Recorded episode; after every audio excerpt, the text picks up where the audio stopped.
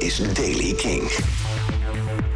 Het sneeuwt nog licht in het zuiden in de ochtend. Verder is vandaag veel zon. Temperatuur 3 graden in het zuidoosten, 6 in het noordwesten. Nieuws over Pinkpop, Glastonbury en The Flaming Lips. Dit is de Daily King van maandag 25 januari.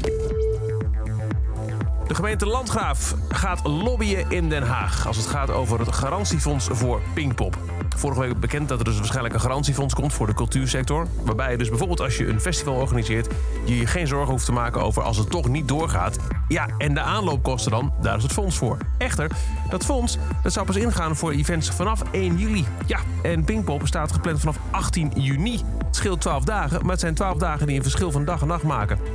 Gemeente Landgraaf die zegt, eh, ja, we, we moeten gewoon echt nu in Den Haag gaan praten over dit fonds. Want het is voor de gemeente namelijk ook bijzonder belangrijk. De hele regio Parkstad verdient normaal gesproken zo'n 12 miljoen euro aan het festival. En nog een keer geen Pinkpop zou een financiële ramp, kan een domper. Ook Glastonbury is aan het kijken of er toch nog iets kan. Het festival is officieel gecanceld. Vindt normaal gesproken ook altijd plaats in juni. Uh, nu heeft festivalbaas Michael Eves gezegd dat ze nog wel kijken of er wellicht een kleinschalig evenement in september te houden is. Dus dat er toch nog iets van een feestje wordt gehouden dit jaar, maar dan uh, niet het Glastonbury zelf. Wat je eventueel zou kunnen doen is wat de band Flaming Lips deed. Afgelopen vrijdagavond in Oklahoma City deden ze voor het eerst een Space Bubble concert. De vloer van de zaal was gevuld met 100 bubbels, grote plastic ballen.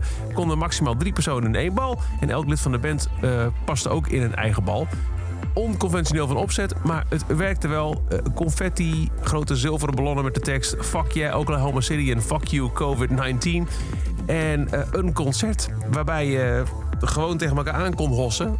Want er zat een plastic bubbel tussen. Wellicht dat dat een oplossing is.